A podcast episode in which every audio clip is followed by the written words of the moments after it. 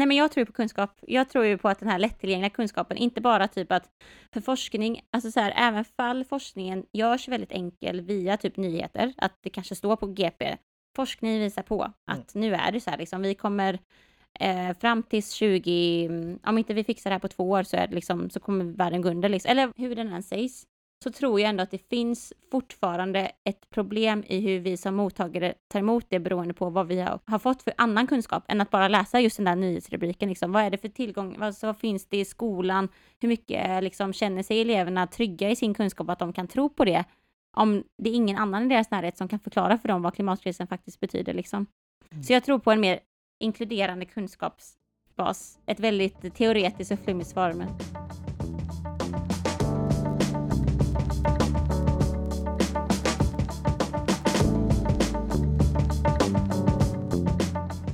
Välkommen till Slow Fashion-podden. Jag heter Johanna Leiman och med mig idag har jag Danny Lam som driver plattformen Tänkvärt och så din poddkollega Ina Dovland Herrera. Och eh, ni har ju Tänkvärt podcast tillsammans. Tjena! Hej! Hej! det var kul att se dig! Så kul att ni vill vara här och att vi tar Instagram vidare in till ljud. Ja, typ, precis. Mm. kan man säga. Vi mm. gillar ljud. Vi gillar ljud, exakt. Ja, man får uttrycka sig liksom på ett an helt annat sätt än text. Tycker jag. Lite längre också, det är ingen mm. teckenbegränsning. Precis. Man får mer utrymme, men det är också lite läskigare, för när man pratar så kan det komma ut grejer på ett helt annat sätt än när man skriver. Det är inte lika mycket eftertanke när man sitter och tjötar som när man skriver. Precis, men det kan Johanna klippa bort. Exakt. det... Precis, det kan, man vet inte vi vet inte vad det flyger ut för grodor så.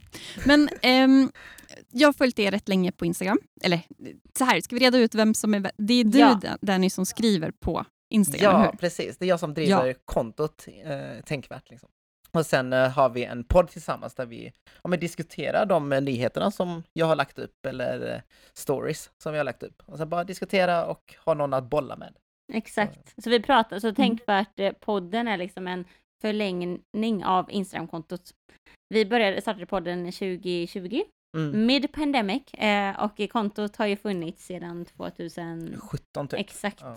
Så det har väl typ blivit lite som en eh, plattform nästan kanske nu. Hela mm. liksom, mm. Tänkvärt-podden är bara en gren, en del av Tänkvärt-kontot som Danny driver.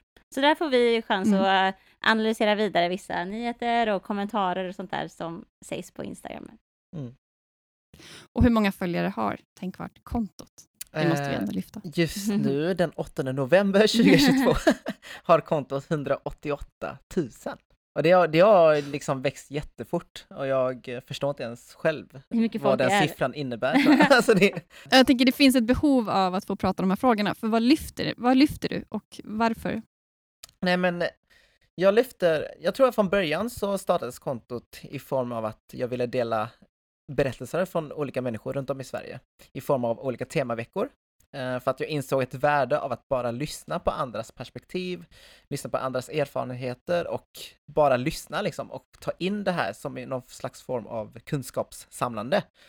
Eh, och för mig personligen så har jag alltid, men jag har väl varit utsatt för vardagsrasism, men jag har också varit den som utsätter andra för vardagsrasism. Eh, I skolan, liksom, när jag var mindre och yngre och inte hade den kunskapen om vad det innebar att att bli utsatt för sånt här. Liksom. Eh, och det var först när jag började eh, ja, men, eh, det var efter studenten, jag började högskolan och började liksom, hade andra vänskapskretsar och liknande som jag började lära mig mycket om vad feminism och antirasism betydde. Och genom att bara lyssna på vad mina vänner har blivit utsatta för. Och det fick mig inse att det finns så mycket kunskap genom att bara ha de här dialogerna och att få prata i lugn och ro utan att bli ifrågasatt av eh, ja, men troll i kommentarsfält eller liknande. Liksom. Eh, så det, det fick mig att eh, ja, men få den här idén om att ja, men kanske skapa en bok när man samlar de här berättelserna och bara låta folk läsa det i lugn och ro och få liksom Eh, ja, men få en uppfattning av vad rasism innebär. Utan att någon står och pekar finger, liksom, ja, men rasism är fel. För att vi är människor allihopa och det är väldigt enkelt att man, eh, eller det är väldigt vanligt att man eh, blir defensiv liksom, och vägrar lyssna och, och kanske bättra sig. Så det, det Tänkvärt var faktiskt en bok i början, men det lades på is för att det fanns inget bokförlag som ville stötta idén med att samla de här berättelserna. Så då startade jag ett konto då på Instagram för att känna, men här fanns det ändå ett ganska lättillgängligt medium. Eh, det är ganska lätt att bara skicka in en berättelse och sen kan jag ladda upp det anonymt. Och jag tror det formatet var ganska nytt eh, 2016-17, eh, så det växte ganska fort liksom, att folk kände, ja oh, men här finns en plattform där jag kan dela med mig av vad jag varit med om och få min röst hörd av, jag vet inte, 10 000 följare liksom. Så det, det växte ganska fort i början. Det jag tycker också är, just när man pratar om de här frågorna så är det, som du pratar just troll i kommentarsfältet, så jag måste säga att det är ett väldigt snällt flöde. Alltså, första, mm. så, jag tror att du bidrar till det såklart genom att du skriver väldigt nyanserat och lyfter olika perspektiv å ena sidan och andra sidan, vilket jag uppskattar jättemycket. Att det är liksom inget drev utan pratar man om en orättvisa men förklarar varför det är det och liksom lyfter in olika liksom vinklar av någonting också. Och det kanske skulle, det kanske är det som också gör att kommentarsfältet och att folk är väldigt att det sätter kulturen av att vara schysst. Liksom. Ja men precis, jag tänker också att vi vi är alla människor liksom, och det är klart att man gör fel. Jag har själv varit den som har liksom sagt problematiska ord och begrepp och kanske själv utsatt andra för rasism liksom. Men det är, det är inte någonting som jag eh, alltså egentligen står för, utan det är någonting som jag har ja, men undermedvetet kanske fått det av samhället eller av vänner och folk jag umgås med liksom. Och man måste få den chansen att utvecklas. Och för mig och Ina då, som vi pratat väldigt mycket om, det är ju det här att, att se mönstret. Alltså om jag säger till, ja men det där är ju inte okej, okay, det där var ju väldigt rasistiskt eh, uttryckt av dig. Då är det ju viktigt att man, och det viktiga är ju vad man gör efteråt, inte att du har gjort det innan liksom. Alltså om du förstår skillnaden där liksom att... Att få en djupare förståelse för varför. Ja men exakt. Mm. Så det, det försöker ändå ha den, det tänket även på plattformen att ja, men här kritiserar vi kanske företag, vi kritiserar ja, men influencers som kanske gjort något eh, som inte anses vara okej. Okay. Men det ska inte vara ett drev där man ska hoppa på och attackera den här personen, liksom, utan det ska vara ett tillfälle att utvecklas som person och bättra sig så att man inte gör samma misstag mm. i framtiden. Jag eh, pratar om rasism. Vi ska prata om, det här avsnittet kommer ju ja. handla väldigt mycket om, om det ämnet fast utifrån ett så här, textil och mode och klädperspektiv såklart eftersom det är det jag håller på med. Mm. Så vi ska liksom gifta ihop lite våra olika eh, kompetenser eller specialområden om man ska säga. Vi se mm. om, vi, om vi lyckas med det. Men det var just det att för några veckor sedan så postade ju du ett eh, inlägg om Shein och deras arbetsvillkor med anledning av Channel 4, brittiska Channel 4s granskning. Eh, och då började mitt hjärta klappa lite extra mm. såklart. Mm. Eh, just för att det är ju min hjärtefråga. Men varför lyfter du den granskningen? Jag tänker om man tittar ur ett så här, åh, prata om eh, rasism. Det kanske mm. inte är en direkt koppling. Liksom. Nej, precis. Och det var ju Ja, jag lyfter ju inte så ofta när det kommer till klimataktivism till exempel, utan det, det är mycket om, eh, om rasism just för att jag brinner för den frågan. Men just det här med Shein, det var ju eh, en artikel eh, där de, eh, jag tror det var Channel 4 eller det var någon, någon eh, tidning som eh, granskade Shein och såg att det var väldigt Aftonbladet mycket... lyfte upp eh, dokumentärfilmen ja. kan man säga. Precis. Precis, mm. och alltså det, jag tänker så här att den här frågan är ju väldigt komplex. Eh, det påverkar liksom inte endast miljö eller klimatet, utan det är också marginaliserade grupper i samhället som påverkas. Det är ju ett, ett begrepp som jag innan lärde oss ganska nyligen, eh, MAPA, M-A-P-A, eh, som då står för Most Affected Peoples and Areas. Och det var, det var någonting som vi lärde oss för att vi höll en, en klimatkonferens här i Göteborg. Och det, det står ju för alla de ja, men, marginaliserade grupper som fattiga, icke-vita, unga, kvinnor, människor som påverkar klimatet minst, men är ändå den, den gruppen som påverkas mest av liksom klimatkrisen. Och just det här med Shein var ju, handlar ju om att eh, mycket om, eh, om människor som jobbade ihjäl sig, som jobbade i väldigt eh, ja, men dåliga arbetsförhållanden eh, under väldigt slavliknande förhållanden. Och det, de som drabbas mest är ju de fattiga, eh, icke-vita människorna då. Så jag lyfte det främst i det perspektivet när det kom till rasism. Eh, men ja, det är ju en komplex fråga som också, vad ska man säga, har en, mm. någon slags intersektion liksom mellan ja, men klimataktivism men också eh, antirasism. Men jag, tänk, jag tänker att det är därför vi gör det här avsnittet också, alltså lite just den beskärnings, liksom skärpunkten att de hänger ihop. Alltså, mm. För mig, så här, ja, men, det har jag skrivit om tidigare och pratat om också, att just det hur våra kläder tillverkas, det är en fråga om, som du var inne på, global rättvisa, men också då klimat och miljö såklart. Eh, mm. Men feminism, antirasism utifrån eh, ja, men att alla saker hänger ihop. Och ja. Jag kan ju mm. också tycka att utifrån det att vi också då borde att man också kan kroka arm då mycket mm. mer också. Att, att liksom föra en, en feministisk kamp eller en antirasistisk kamp på varsitt håll och sen så mm. är det liksom klimataktivister som är, håller på med något annat.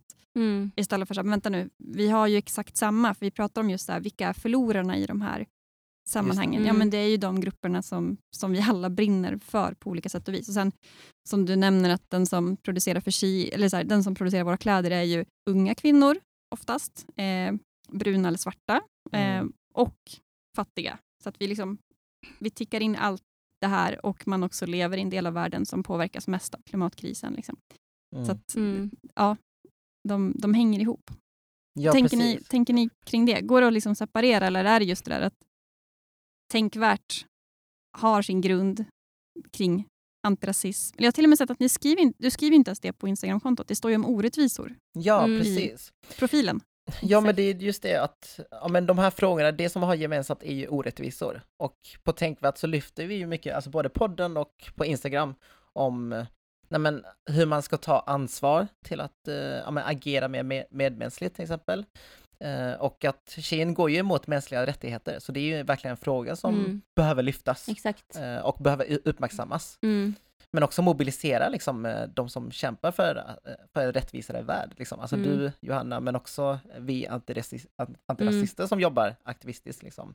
Um, och bara försöka nå de som inte är så insatta och hänvisa vidare till ja men vi brukar hänvisa vidare till experter i alla fall. Eh, till exempel du då, för att vi har ju inte den kollen när det kommer till just modeindustrin. Eh, ja, men liksom. modeindustrin och textilindustrin och allt det där liksom. Mm. Um, och sen efter liksom uppmärksamhet, då är ju nästa steg ja, men, att sätta press på politiker, eh, med det här med lagstiftningar och även kanske bojkotta av företag. Liksom. Mm, exakt. Och mycket, jag tänker också att Eh, för det blir ju ofta så Danny, när vi hamnar i olika sammanhang så får vi ofta representera liksom, eh, aktivister som för en väldigt stark antirasistisk kamp. Men som du säger Johanna, som, så som det står i, liksom på Instagram, alltså syftet med Tänkvärt är att exponera orättvisor som inte får så mycket uppmärksamhet annars, liksom, mm. genom just de här personliga vittnesmålen och berättelserna som Danny eh, berättade om, att, som var hela grunden till varför Tänkvärt startades, genom de personliga berättelserna. Så det har ofta blivit att våra personliga hjärtefrågor kanske är mest antirasism, men själva plattformen i sig tar ju verkligen upp mer frågor än bara den kampen. Och um, för att svara på din fråga som du säger, jag tycker inte, alltså vi pratar ju också om det att ingenting sker ju i vakuum. Det är typ Nej. det som vi alltid kommer, den slutsatsen vi alltid kommer fram till oavsett om vi sitter och pratar om ett eh, rasistiskt sminksätt på halloween eller om vi pratar om att eh, eh, en tecknad, den tecknade figuren Velma i den nya Scooby-Doo-filmen blir kritiserad för att hon kommer ut som liksom, lesbisk.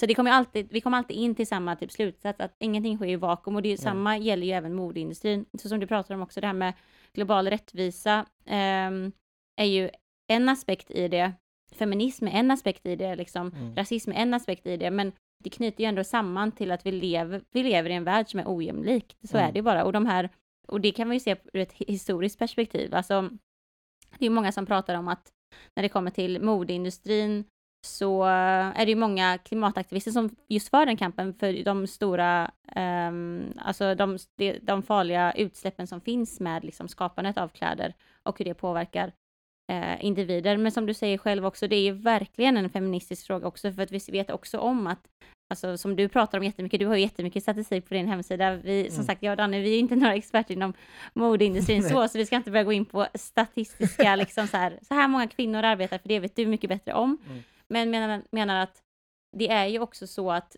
vi vet om att det är en kvinnodominerande bransch, liksom. det är ju bara mest kvinnor som jobbar i globala syd och de här kvinnorna är liksom icke-vita kvinnor som vi pratar om.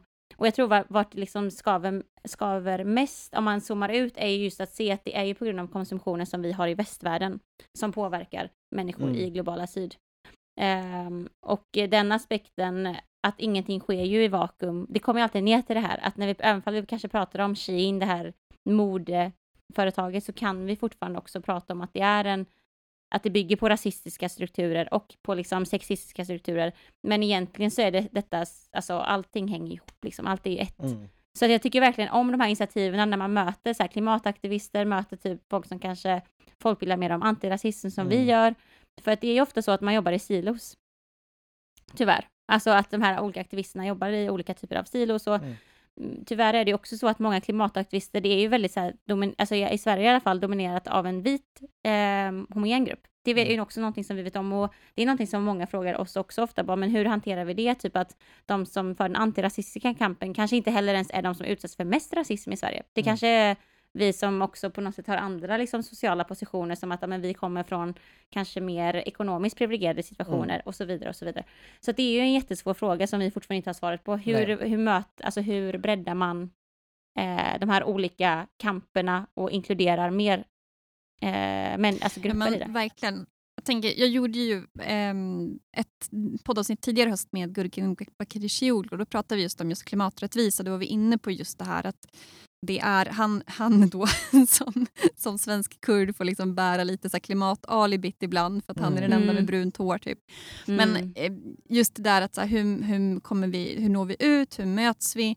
Men också åt båda håll såklart som vi pratar om att det kanske är så att vi, att vi så här, och alla med oss bara att vi om vi pratar och agerar mer kring att frågorna hänger ihop så kanske det också breddar blicken. Alltså Mm. just det där att, som vi pratar om att allt hänger ihop. Att, ja, men, du, du behöver också fundera på din konsumtion ur ett Mm. antirasistiskt perspektiv till exempel. Verkligen. Eh, det är inte en isolerad fråga bara för de som, som brinner för, för klimat till exempel. Och precis åt andra hållet att eh, ja, men så här, du brinner för klimat men vi måste också fundera på hur, den, hur det nätverket ser ut till exempel. Vilka, Mm. vilka exkluderas, vilka inkluderas. Liksom att faktiskt bara lyfta upp den här, den här Mm. debatten. Eller liksom, inte, men kanske som du var inne på, samtalet mellan mycket, mycket mer. Och också så här att det är inte det är ingen kritik utan mer också att jag kan känna själv att jag lär mig saker hela tiden också.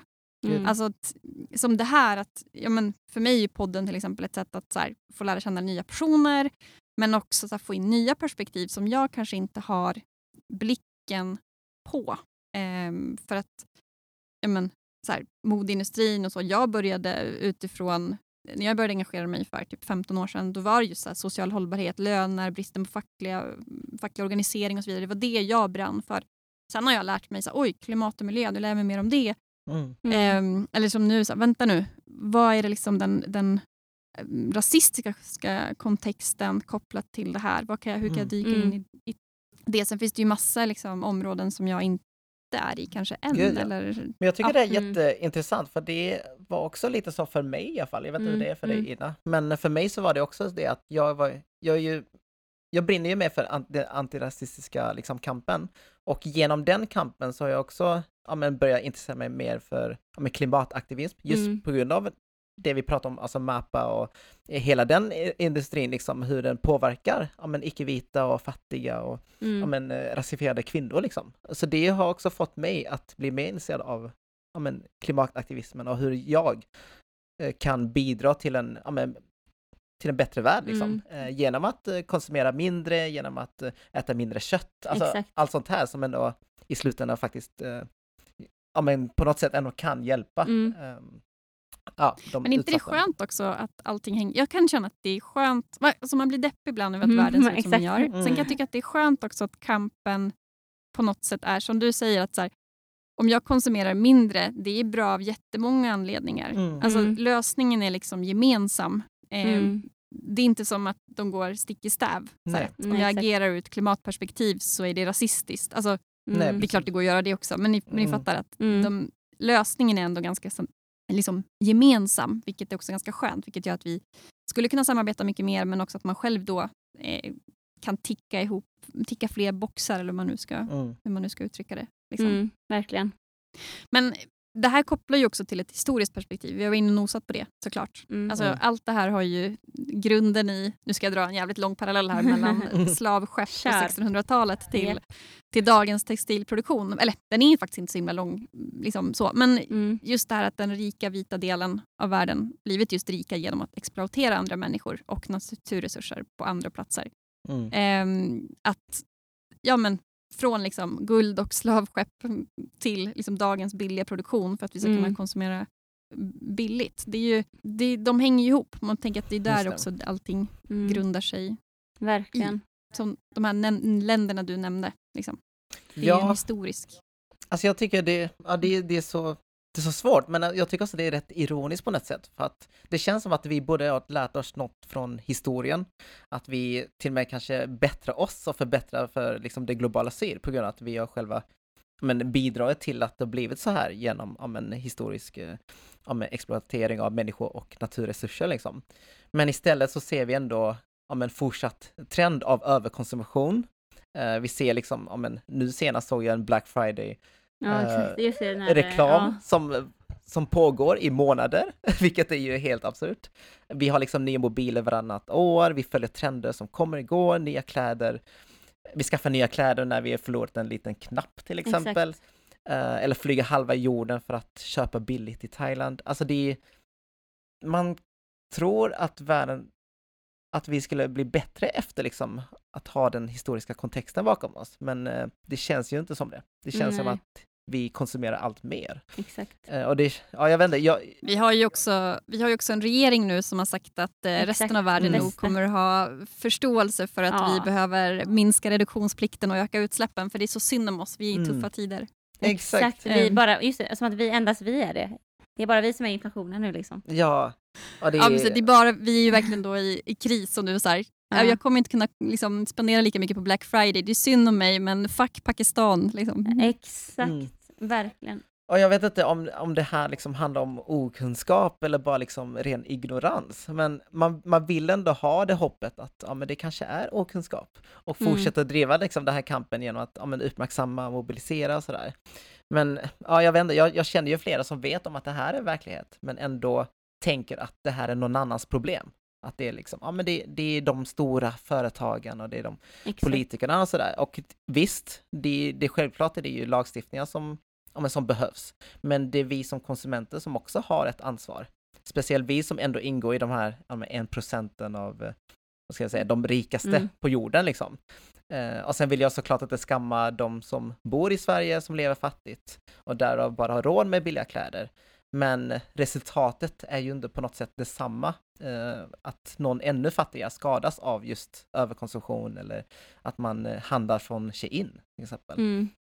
Eh, Sen så jag- ska vi ju, alltså för att sätta det i, i kontext, global kontext så tillhör ju väldigt många av oss svenskar den rikaste, som sagt 10 procenten. Ja. Alltså vi är ju den globala överklassen oavsett om man upplever att man är student på CSN eller alltså vi är fortfarande överklass. Mm. Ja, och det är globalt. så viktigt att ha det i åtanke tänker jag, att man checkar sina privilegier ibland Mm. och ser, ja men visst, nu lever jag kanske, ja men Ina är student till exempel och du lever på CSN eh, och du kanske inte Mhm. har råd med de dyraste kläderna liksom. Och Mm. det är inte det som är tanken heller, att du ska köpa eh, alltså det Nej, dyraste. exakt.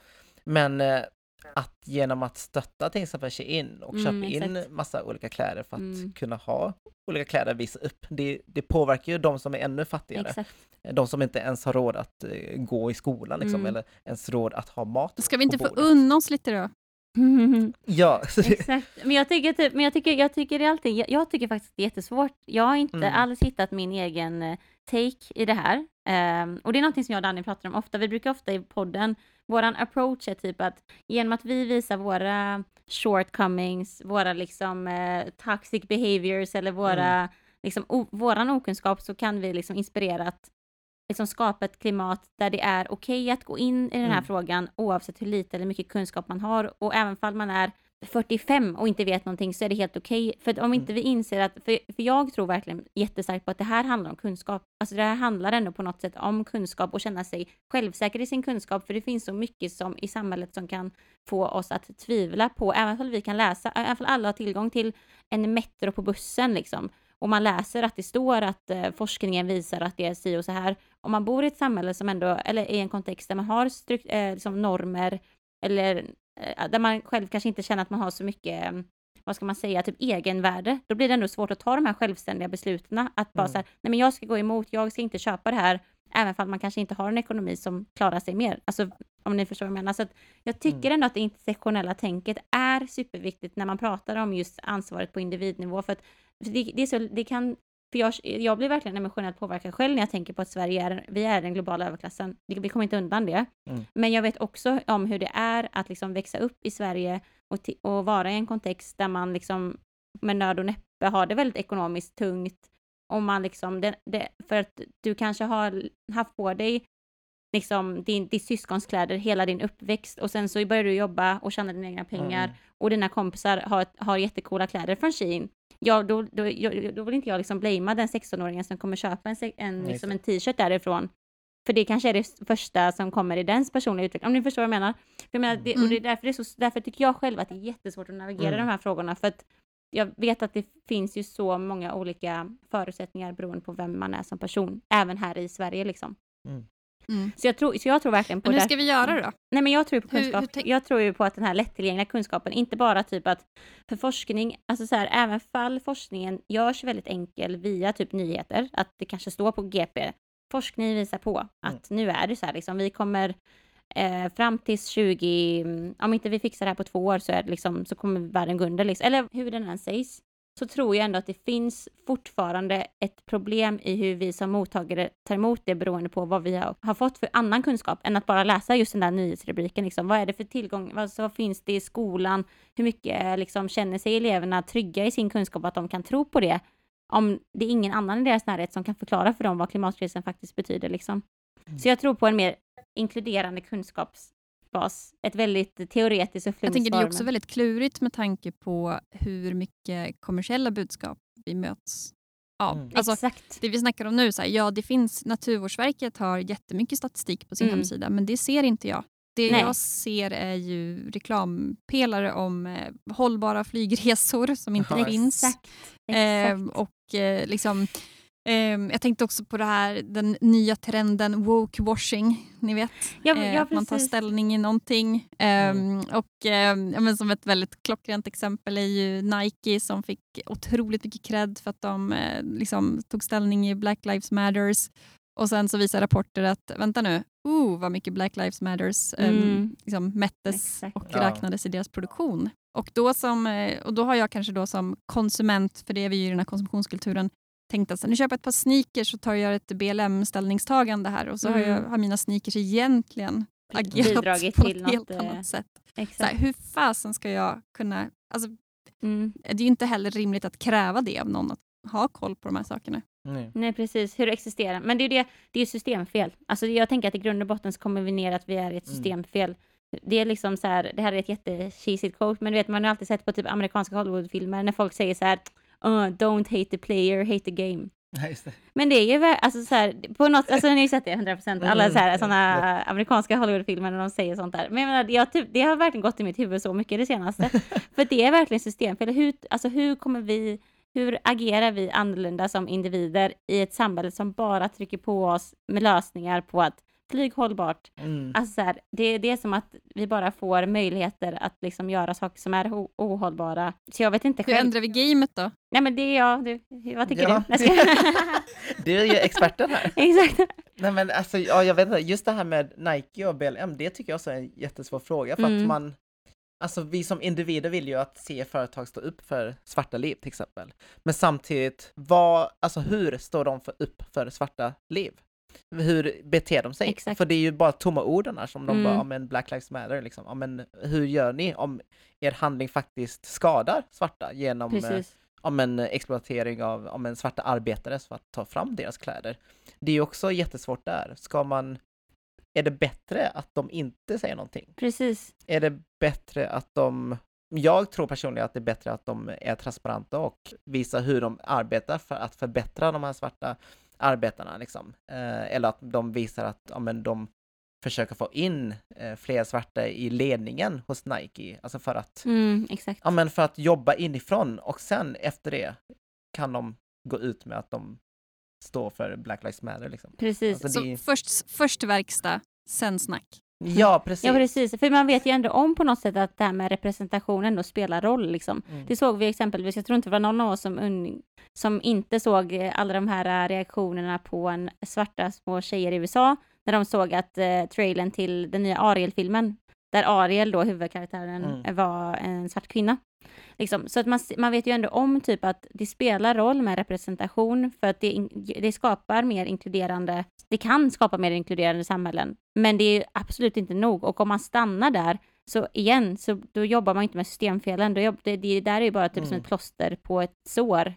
Liksom, som inte, det är inte plåstret som kommer eh, bota såret alla gånger. Liksom. Det kanske är snarare medicinen eller så, liksom, vad den medicinen nu än skulle vara i det här systemet. Ja, he, hela, mitt förra poddavsnitt eh, var ju Fatma Gitu som driver Watoto Arts. Eh, vi pratade faktiskt också om den filmen i det Mm. avsnittet. För de Mm. gör ju dockor eh, med Okej. fokus på representation just. Mm. Och, och då just det där vi pratade om att okay, men en docka, vad fasen är det liksom? Det är bara en Mm. docka. Men Just att det. allting blir liksom större som du är inne på. Så här, Okej, två personer i styrelsen, ah, ja, vad är det liksom? Mm. men att det ändå påverkar. Eller som, som du var inne på. För jag, jag är också så här lite ambivalent i de här frågorna. Så här, jag tänker också så här, samtidigt, jag hatar ju också det här framförallt som vi har nu, liksom cancel culture, att det är så här, Mm. Verkligen. det är bättre att inte ha någon moral alls än att kanske eventuellt ha någon dubbelmoral. Alltså som Mm. det där Mm. att då är det bättre att, ja, men, ni kan inte kritisera oss för vi har aldrig sagt att vi är bra på någonting.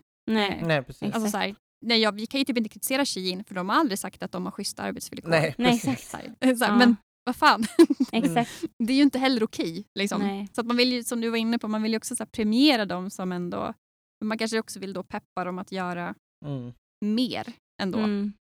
Exakt. Och det är ju en, det här frågan dyker upp varje gång det är Pride till exempel. Alltså det är många företag som pinkwashar eh, och går med i Pride- Pride-paraden men Ja. att de själv har kanske en policy som förtrycker ja, men, hbtq-personer liksom eller att de på något sätt stöttar organisationer som är emot hbtq-personer. Det, det är också en sån fråga som man bara men det här är bara dubbelmoral, liksom. det är hyckleri. Och ni kan inte Mm. säga att ni stöttar hbtq-personer när ni själv i handlingen faktiskt de som utsätter Mm. hbtq-personer för förtryck. Så det är, ja, det är, det är som du sa, liksom, ja men handling först. Eh, Exakt. Men är det också att vi tappar vår... Liksom, vår jag tänk, vi lever i den här konsumtionskulturen. Jag har tänkt så himla mycket på, jag läste en text förut om att ett av de största sökorden efter att Trump hade vunnit valet i USA var self-care. Eh, Okej. Och att istället för att gå ut på barrikaderna så börjar man googla så här, hur sparar jag för att må Mhm. bättre? Ja. Eh, alltså ni vet, ni har, vi Ja. har den här kulturen av kommersialisering. Att det är så här, tycker du att, ja, men nästan så här, trösta dig själv med en ny tröja om du har klimatångest istället för att Mm. bara nej, fan vi ska ut och demonstrera. Alltså, Ja. Mm, mm, mm. att, det, att det är lite det också med de här, eller nu bara drar jag långa Mm, paralleller, mm. men lite det också det här med woke-washing, att vi tänker att vi liksom genom hur vi konsumerar så tar vi ställning i saker. Att vi har liksom lärt göra, göra det. När vi kanske, har vi tappat bort liksom kamp, om man får använda det ordet. Liksom. Medborg, alltså så här, med, vår medborgerliga prick, plikt. Liksom. Att tänka att Ja. vi kan konsumera oss ur istället för att... Ja men precis. Det känns ju verkligen som att man, eh, den här upp, jag tror också att mycket av den här uppgivenheten, att liksom allt, att allt, eller jag vet inte om du kanske också kan relatera till det, men jag tror många känner det här att ah, allt, allt är skit så why try, typ. Eller så att allting blir väldigt överväldigande. Det tror jag att det är många som, alltså jag menar, jag tror verkligen att det känns, det känns ju verkligen som att det är det som, alltså det blir för stort för att ta in typ för folk. Mm. Alltså alltid som vi, alla utmaningar vi står inför blir för stort att ta in och därför går man in i någon form av liksom, Varför ska jag ens bry mig? varför ska jag bry mig? äta Exakt. vegetariskt när jag kan eh, njuta det sista jag har nu i livet med att äta massa kött? Exakt, Eller? men också typ varför ska jag sluta, varför ska jag, eh, ja men typ, eh, om inte de stora företagen, om inte regeringen gör någonting, varför ska, Mm. varför ska ansvaret ligga på mig då som individ? Vad kan jag, lilla jag, göra någonting? Liksom? Exakt, men också typ varför, Mm. varför ska jag ens göra någonting om inte min regering gör någonting? Mm. Eller varför ska jag ens göra någonting om inte företaget, ett stort företag Men gör varför, någonting? varför, drar vi inte då, varför drar vi då inte kopplingen att vi får den regering vi förtjänar?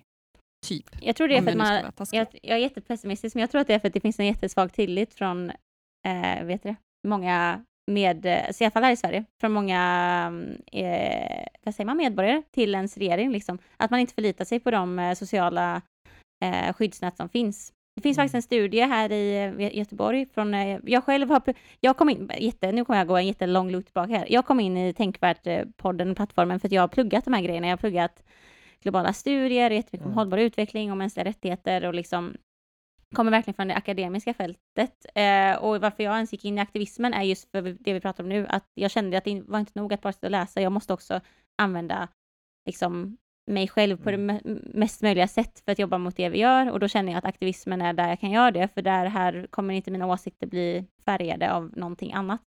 Men någonting som, i alla fall, en akademisk studie som här i Göteborg visar på att tillit, alltså varför, för vi, exempelvis i Göteborg vet vi om att eh, i olika stadsdelar så skiljer medellivslängden med ungefär åtta år.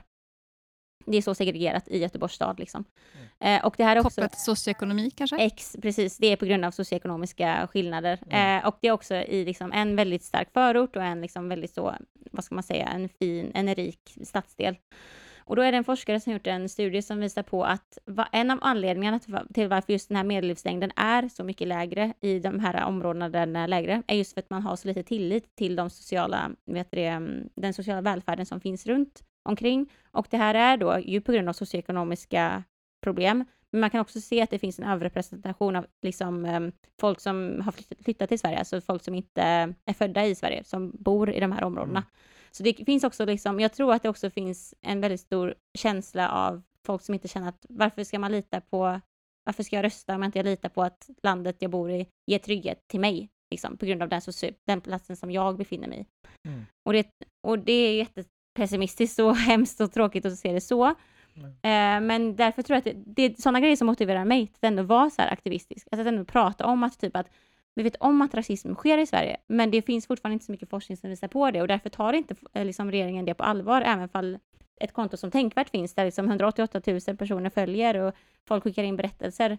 Det räcker ändå inte till liksom. Men därför så, det för mig är ändå en drivkraft att liksom så fortsätta att verkligen gå ut och demonstrera eller prata i en podd med dig och liksom få dela den här eh, kunskapsutbytet eller eh, ja, engagera mig liksom. Så att jag tror att eh, jag, för mig har det blivit en, en motivation att engagera mig för att jag liksom inte känner den här tilliten. Men jag tror också att det kan hämma många att inte rösta liksom. Eller liksom på en regering eller ställa högre krav. Men då känner man sig väl också, jag tänker att man känner sig ensam eller lämnad. Alltså, för så, jag antar att du eller båda ni kanske delar den, att just engagemangsgrejen, det handlar om att få ett sammanhang. Jag har tänkt mycket på det här, men till exempel att gå ut och demonstrera. Det är kanske inte demonstrationen i sig som kommer att förändra någonting, har jag liksom landat i, utan Mm. det kanske snarare är att, att känna en kraften i att vara många. Att den är så Mm. mäktig och att den ger mig energi sen till att fortsätta på andra sätt. Men det är inte demonstrationen i sig som kommer att få slut på eh, liksom, någonting. Typ. Mm. Nej. Nej men verkligen, jag tror också på det. Alltså för mig är det jätteviktigt. Jag kan verkligen känna att man fastnar bakom en datorskärm eh, eller liksom en mobilskärm och sitter och, gör, och skriver sina texter eller liksom gör alla de här grejerna. Men så, länge, så fort man, jag, jag tappar den här sociala Mm. delen med liksom andra som delar samma så tappar jag verkligen min motivation. Därför är det typ också våran podd som är viktig för mig. För där Mm. sitter, vi sitter ju varannan vecka och verkligen så här tuggar oss igenom de här ämnena och bara så här ah, livet suger, vad fan Mm. ska vi göra typ? Men så har man någon som liksom delar samma frustration eller samma liksom, eh, upp, alltså uppgivenhet. Och i det någonstans så föds det ändå en gnista att orka hålla på. Ja, men jag håller med Mm. just det med demonstrationer också för att på sociala medier och sånt, vi ser ju bara siffror. Alltså vi ser ju bara liksom, om en antal följare, vad, vad säger det egentligen? Exakt. 88 000, det är ju det är jätteabstrakt för oss. Men tänk dig om den här folkmassan, Hade stått ute. ja men stått ute på, jag vet inte, det är, det är typ som en hel stad. Hur många bor i Göteborg? Nej, ja, det borde vi veta. Nej, Ja, en halv Göteborg, en miljon. halv miljon tror jag. Ja. Ja, men tänk dig halva, ja men lite mindre än halva Göteborg. Alltså liksom. Ullevi tar f- typ 50 000 pers. Ja. Så tänk dig typ två, Det är, tre det är Ullevi. sjukt när man börjar tänka på det sättet. Eller hur? Och Mm. tänk att vi alla kämpar för en bättre värld liksom. Fattar hur mycket energi och motivation det ger en. Exakt. Eh, om man såg den massan liksom. Men eh, Men därför tror jag också, att därför, om vi pratar om som vi pratade om innan, varför du tror att det är så fin ton på Tänkvärt-kontot. Jag tror det är för att man känner just det här communityt i kommentarsfälten. För det är så många som alltid går in och så här, det här är sjukt, jag tycker så här, eller typ så, liksom. ja, typ, har du kollat den här länken, eller typ, har du kollat den här, eller typ tagga dig liksom, som, jag vet inte, du kommer ju in i, eller du skrev ju själv liksom, men det är också många som man omnämner varandra, bara, Mm. åh men gud, kolla in det här kontot, den pratar faktiskt jättemycket om klimaträttvisa typ, eller Ja. så. så att eh, Mm. jag tycker ändå att det, jag håller med dig till 100%, communityt kring det här är A och O för att fortsätta. Mm. Och jag vill välkomna alla in i den, för det är så jävla härligt när man har flera som vill samma. Jag tänk, ja, exakt. Det är också, jag liksom, för mig har det alltid varit en strategi. Jag har tänkt på det mycket, pratat med andra. Att så, här, så fort jag tycker att någonting är orättvist och blir typ arg över något så då liksom engagerar jag mig i någonting. Men det är för att jag också jag tänker att det nästan är lite som en muskel att träna upp. Att om man har gjort det sen man var typ 15, 16, 17 då sitter det där, så här, fan det här gör mig upprörd, vart engagerar jag mig? Mm. Eh, men jag har ju också förstått att det är ju inte alla som har den erfarenheten. Det är ju många som liksom aldrig har ens tänkt att man kan göra det. Nej. Så det är kanske också är någonting som vi behöver hjälpas åt med. att Nej, din lösning är inte att googla self-care eller vad du... Alltså, Nej, exakt. utan det är just det, här, det kollektivet. Så här, det finns folk som tycker som du. Så här, Mm, kom, Ja. häng. Liksom. precis, det är så viktigt. Och det här är jättefint att vi har det här, att vi har det här utbytet, att vi spelar in en podd med varandra mot alla tekniska, för, eller alla tekniska svårigheter som vi har. för att göra det. Liksom. Det kommer man ju inte höra när man lyssnar på det här. Men gud vad vi strulade på värmen. Eftersom ni sitter i Göteborg och jag sitter i Stockholm. ja, exakt. Gud, alltså vi flummar alltid iväg som du märker. Jag och Danny när vi pratar så här i våra poddavsnitt också. Vi pratar om en sak och sen så bara slutar vi i en annan ände. Men jag tror jag- en del av det. Men det är väl också att vi leder i bevis det här med att allting hänger ihop. Nu skulle vi Ja. prata om så här, rasism och kopplingen till textilindustrin och så hamnar vi i engagemang. Eh, Mm. Men det är ju det det, liksom, det, är det det handlar om. För det är också det att, som vi pratar om att det är lätt att känna sig uppgiven och det är någonting jag tänker väldigt mycket på. Eller du nämnde också det Danny, att, här, att skicka vidare folk. Att du tar upp en orättvisa och sen skicka vidare folk till liksom, jag Mm. tänker mycket på det, så att hela tiden ha en så här call to action om man nu ska vara liksom kommersiell. så Att inte lämna folk att ja, det är för jävligt. Ja, men hur ska jag göra då? För det är också det där som jag upplever att man ofta fastnar i. Att, Mm, eh, som, det såg jag ju som kommentarsfältet kring nej, men, när du delade om Shein. Att folk var, men vad ska, vad ska jag göra då? Vart ska jag Mm. handla? Hur ska jag tänka? Att, som vi var inne på, det är både kanske då kunskap men också beteende och liksom, ja, få Mm. något annat. Som, vad gör jag då? Och inte Exakt. bara uppoffring. Och, Exakt.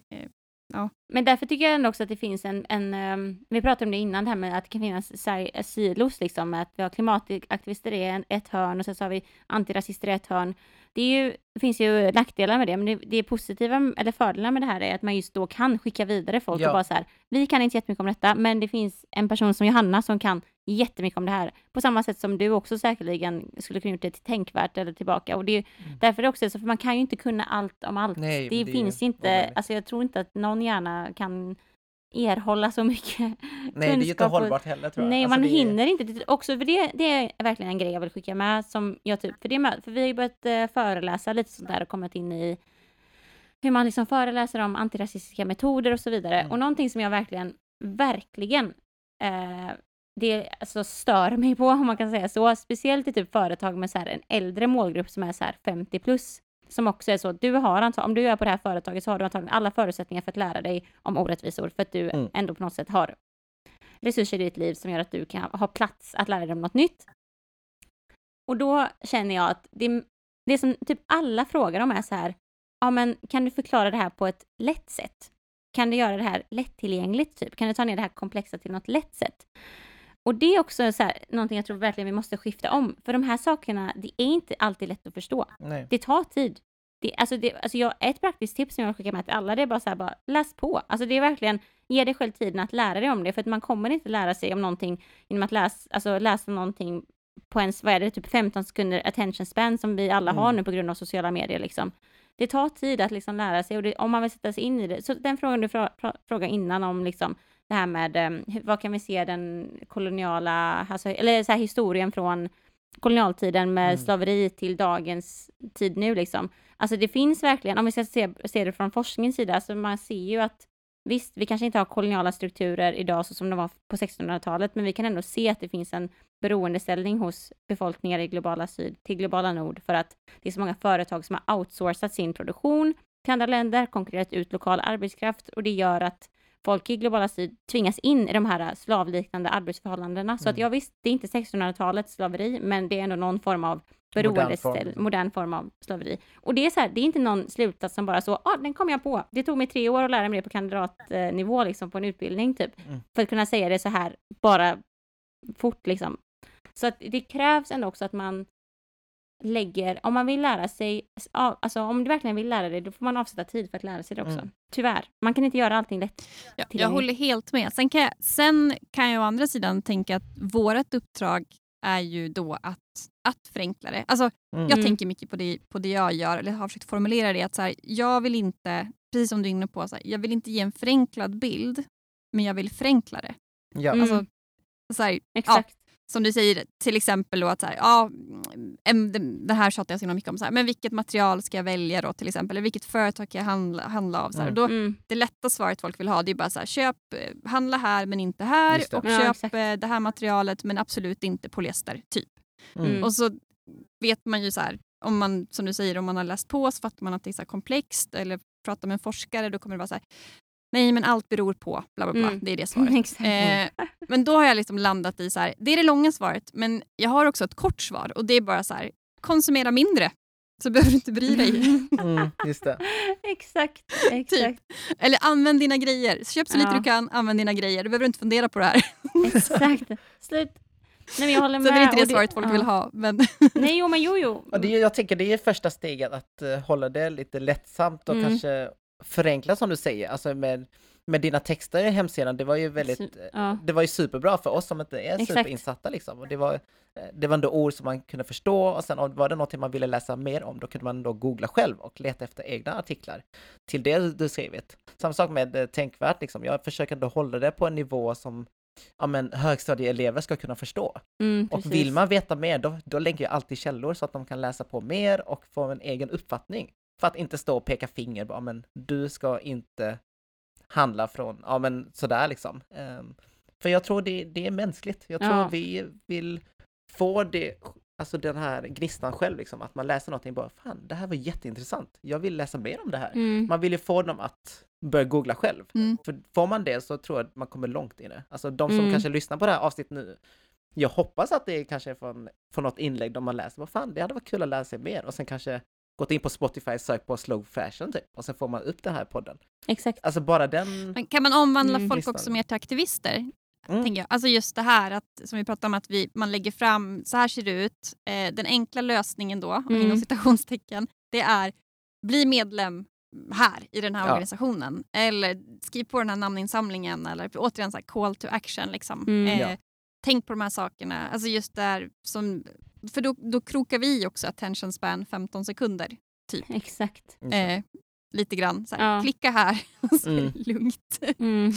Ungefär så. Exakt. Men eh, en, jag vill bara kroka i lite det du pratade Ina om det här det koloniala tankegodset. Mm. Eh, just det här med att vi liksom är den, den konsumerande rika delen kontra den, den producerande ja, men några avsnitt sen så hade jag modedesignern och människorättsaktivisten Louise Sin med som gäst. Och hon har rötter i Kina och mm. hon pratade om att hon känner typ en sorg över att Kina har reducerats till världens fabriksgolv. Alltså mm. så här, hela den här liksom storslagna kulturen från 2000 år tillbaka är nu reducerad till slit och släng-prylar. Mm. Är det här, eh, tänker, Danny, du, utifrån liksom dina rötter, och så här, mm. är det mm. här någonting som du kan tänkt eller reflekterat över själv?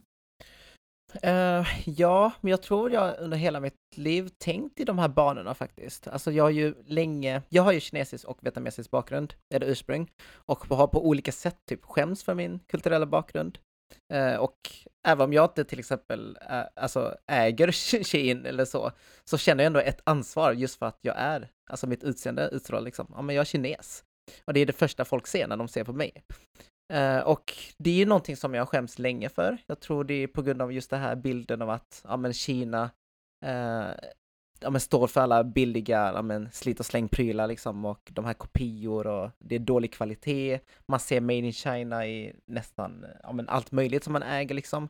Och folk drar ju den parallellen med oss individer som har kinesiskt ursprung. Mm. Och det får ju en att känna någon slags skuld för det Kina som stat eller som nation sysslar med. Liksom. Eh, och samtidigt känner jag också att man, jag vet inte, man får samtidigt också ha någon slags, alltså flera tankar i luften, mm. tänk, känner jag. Eh, för jag känner också att man Självklart måste man också kritisera eh, det Kina gör fel. Eh, det gör jag hela tiden också, även om jag har kinesiskt ursprung. Liksom. För att jag kan ändå distansera mig på något sätt från de här handlingarna som jag inte står för. Mm. Uh, och samtidigt så vill, vill man heller inte reproducera uh, stereotyper. Så man får hitta någon slags balans där, att ändå kritisera men samtidigt också inte uh, dra alla kineser över en kam. Så jag förstår helt vad Louise menar. Liksom. Precis, Louise var ju väldigt tydlig med, med just det du var inne på, det här att, här, att kritisera regimen Kina mm. kontra kineser. Alltså, ja, Precis. människor kontra liksom en regim eller ett system eller en struktur. Liksom, att det är två olika, ja, olika saker. Ja, jag märkte att det är många som har svårt för det. Alltså, mm. Då pratar vi om... Corona om, måste ha varit också en sån. Men corona, ja precis, under pandemin till exempel, då drog ju man paralleller med att här har vi Kina som stat som har eh, brustit i ja, men, säkerhetstänk och liksom, eh, hygien och allt mm. det där liksom, till att dra paralleller med kineser i i USA, alltså ja. kineser i Sverige liksom. Eller östasiater upplevde du, upplevde du någonting kopplat till det? Uh, ja, alltså var, då var det främst vardagskommentarer uh, liksom. Alltså folk uh, ja, men drog i ögonen eller att de sa stick tillbaka till Kina eller något sånt liksom. Då var det sådana små kommentarer. Men jag känner flera uh, östasiater i Sverige som blivit utsatt för alltså, fysiskt våld, vilket är ju helt absurt liksom. Men jag personligen har inte blivit utsatt för det. Och samma fråga, alltså det är ju samma sak med till exempel Ryssland, den frågan. Många drar ju paralleller med ryssar i Sverige mm. till att de ska på något sätt stötta Putin liksom.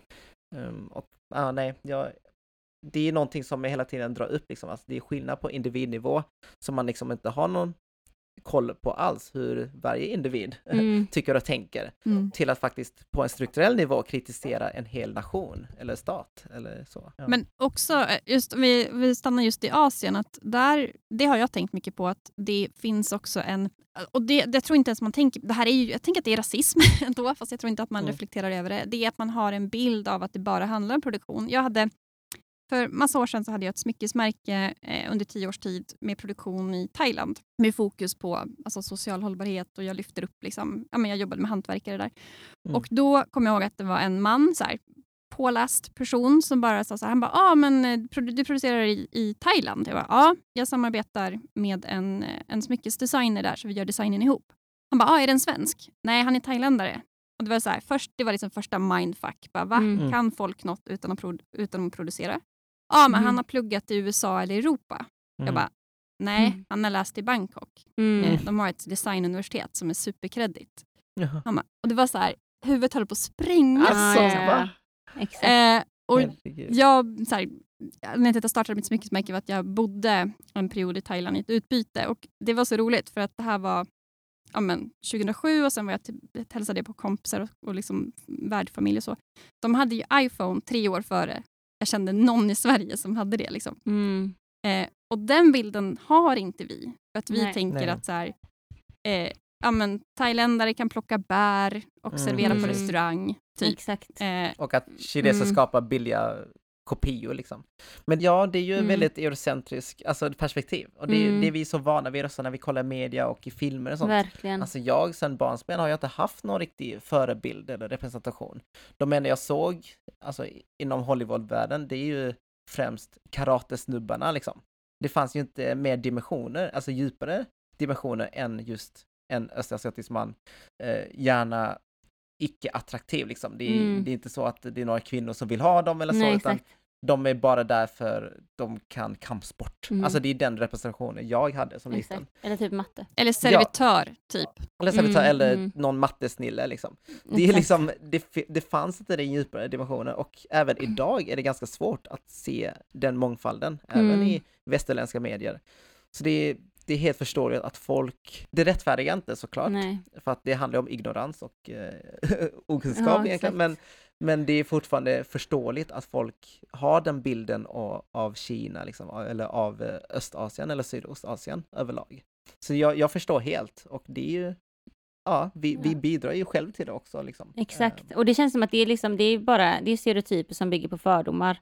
Och de här fördomarna kommer ju aldrig försvinna när vi lever i segregerade samhällen. Typ. Alltså jag tänker att det har så mycket med representation att göra. Om, inte du, om, du bor i en segre, alltså om du bor i ett segregerat samhälle där du bara bor med liksom, en väldigt så homogen grupp. Det är bara, så att det bor, den här mannen som var påläst, om vi bara leker med tanken att han jag gissar på att han säkert, säkert, nu kommer mina fördomar in här, men I will go with him, att han var liksom Jag känner inte honom, så kör på. att han var vit, att han var äldre, kanske kommer liksom så här från något, så här, någon med, övre medelklass. Och om man då inte, liksom, om man bor i ett segregerat område där sannolikheten att du umgås och rör dig bland samma typer av grupper, då kommer ju bara de här fördomarna om den här gruppen, som inte heller har mycket representation, än de här äh, väldigt stela äh, karaktärerna som vi pratar om nu, de här Mm. mattesnillet eller typ karatekämpen. Mm. Då kommer ju liksom, då reduceras ju dina fördomar till bara den typen av identitet. Mm. Så av den anledningen så är ju representation jätteviktig för att vi ska kunna förs- liksom lära oss som samhälle typ att okej, en person som eh, eh, vet det, är, bor i Thailand kan ha haft utbildning någon annanstans än i Europa eller USA och ändå Mm. vara lika kunnig. Precis. För att, man, för, för att antagligen så tänker man att det inte ens finns någon bra, något bra universitet där, för vi får inte veta någonting i liksom västerländsk media om, om det. Det är ju som Danny säger väldigt eurocentriskt. Mm. Det var också, ska vara till att samma person, eh, jag blev lite sur så jag typ sa det där med iPhone faktiskt, kommer jag ihåg, eh, Mm. eller smartphones och då var han så här, va? Jag, alltså när jag var i Thailand då hade vi inte ens wifi på den ön. Jag bara, ön. ja Bangkok och Koh Lanta, det är ju två olika saker va? Alltså verkligen, ja nej jag vet, det, så, och det där är ju en helt, alltså sådana där typer av attityder, eh, ja, om vi ska gå in på det, det kräver en hel säsong. Nej men, Ja, det är nästa. Nej, men, men om vi ska sammanfatta det här då, så hur representation var vi inne på, vikten av Mm. det. Det har vi tjatat eh, om, tjatade vi i förra avsnittet också med, Mm. med Fatma. Eh, men också att kanske bredda, vi kanske till exempel ska bli bättre på att lyfta upp eh, som vi pratar om, just, det finns ju då tydligen en bild av Asien att man inte kan vara kreativ där utan att man bara producerar saker som vi säger åt till dem att göra. exakt, exakt. Ehm, så bara liksom sådana saker, så här, representationen, att också så här, visa de andra perspektiven. Eh, jag tänker hantverkstraditioner, eller Mm. så här, det finns ju skitcoola liksom, modeskapare. Gud ja. Mm. Alltså, den typen av grejer finns ju också eh, Mm. som vi kan alla hjälpas åt att sprida också. Typ. Exakt. Verkligen. Alltså jag tror verkligen en representation och som vi alltid pratar om det här intersektionella tänket som vi har pratat om. Vi har ju kanske inte nämnt ordbegreppet innan, men det, det, det är typ det vi har pratat om, att man liksom ser liksom olika typer av skärningspunkter när man pratar om typ eh, förtryck eller diskriminering och det ingår ju också i den här miljökampen och hur den möter feminismen och antirasismen liksom. Allting är ju egentligen bara, allting, allt är samma skit, men Mm. har olika typer av uttryck typ, tyvärr. Alltså det är ju det är förtryckande strukturer liksom. Mm. Sen så eh, beroende på vad man har för ideologi så kan vissa säga att det är kapitalismens fel, vissa andra kanske säger att det är någon annans fel, men eh, Mm. oavsett så måste man kunna se att liksom det finns olika utfall beroende på vem du är som person, för att samhället behandlar dig olika beroende på vem du är som person.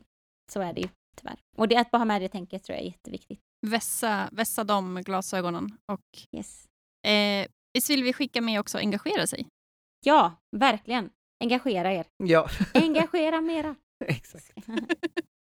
Och om man inte vet vart man ska engagera sig, då kan man eh, höra av sig till er eller till mig eller så kan vi slussa vidare. För det är ju Ja. skitkul ju.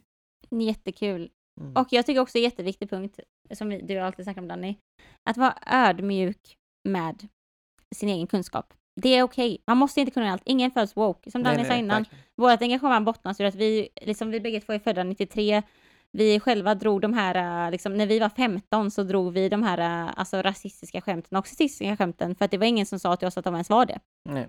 Även fall vi bägge två är rasifierade personer i Sverige. Liksom. Mm. Ingen föds med Men, kunskap. eh.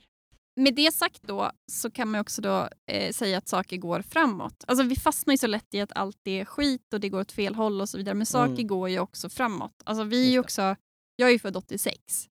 Men Mm.